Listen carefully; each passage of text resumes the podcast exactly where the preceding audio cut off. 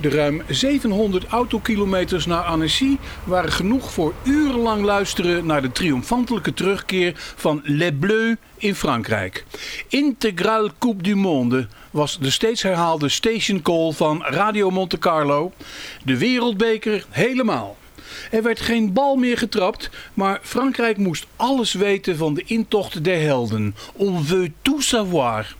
Dat leverde voortdurende schakelingen op met een verslaggeefster op Charles de Gaulle Airport die voortdurend zei dat ze even na vijven zouden landen. Waarna rondje langs de velden werd overgegaan naar de mannelijke collega op de Champs-Élysées, waar zich opnieuw een mensenmassa aan het verzamelen was voor de finale rijtour. Les Bleus kwamen eindeloos terug in Frankrijk. In Brussel was België al toegejuicht als wereldkampioen van de derde plaats. Een paar uur voor de Fransen waren de Kroaten in Zagreb bejubeld als de beste Kroaten van de wereld. Ik reisde zuidwaarts door Frankrijk en bedacht hoe rustig het was gebleven in Nederland.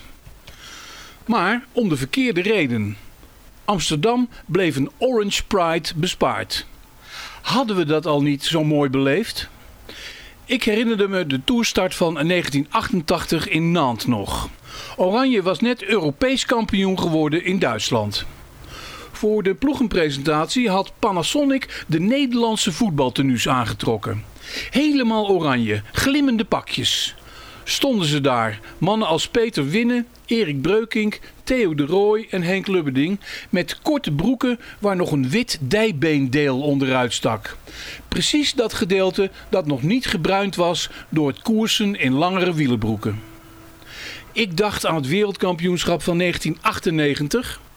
Frankrijk als winnaar in eigen land met Didier Deschamps als een van de elf voetballers. Die toenmalige wereldtitel was nog even een welkome afleiding voor wat zich intussen ontwikkelde in de Tour de France. De justitiële inval in het dopingnetwerk van het wielrennen. Op dat vlak is het nu tamelijk gekalmeerd en niet alleen door de wereldtitel van Les Bleus. Er wordt niet op doping gejaagd in de Tour. Froome is blijkbaar geen onderwerp meer. De discussies zijn gekanteld naar de saaiheid van de ronde. Goed dat de strijd in de bergen begint. Ik stel vast dat Christian Prudhomme met zijn staf een serieus probleem heeft. Vooral waar het gaat over de aantrekkelijkheid van de eerste week. Op Facebook lees ik meldingen over dutjes tijdens de uitzending. Geen kijksport, maar slaapmiddel. Niet goed voor de bedrijfstak in het algemeen en de Tour in het bijzonder. Deze overpeinzingen zullen zich blijven herhalen in permanente afwegingen over lange en korte kilometers. De renners moeten het doen als gekwelde acteurs. Wat te doen als ze het niet mogen, als ze zich moeten inhouden, ook door het terugdringen van doping? Annecy, de startplaats van vandaag, was in 2009 het toneel van een individuele tijdrit. Een van de deelnemers was Lance Armstrong. Dat jaar was hij nog maar eens teruggekeerd, nadat hij de Tour al zeven keer gewonnen had.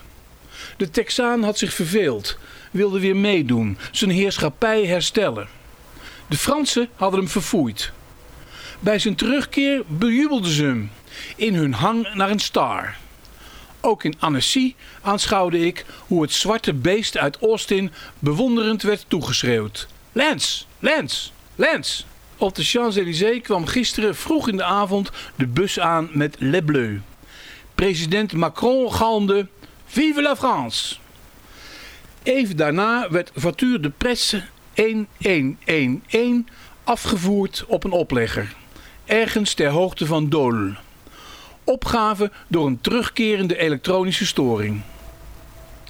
De deftige krant Le Figaro had vanmorgen een foto van de bus met de kampioenen op de voorpagina, omgeven door de juichende menigte.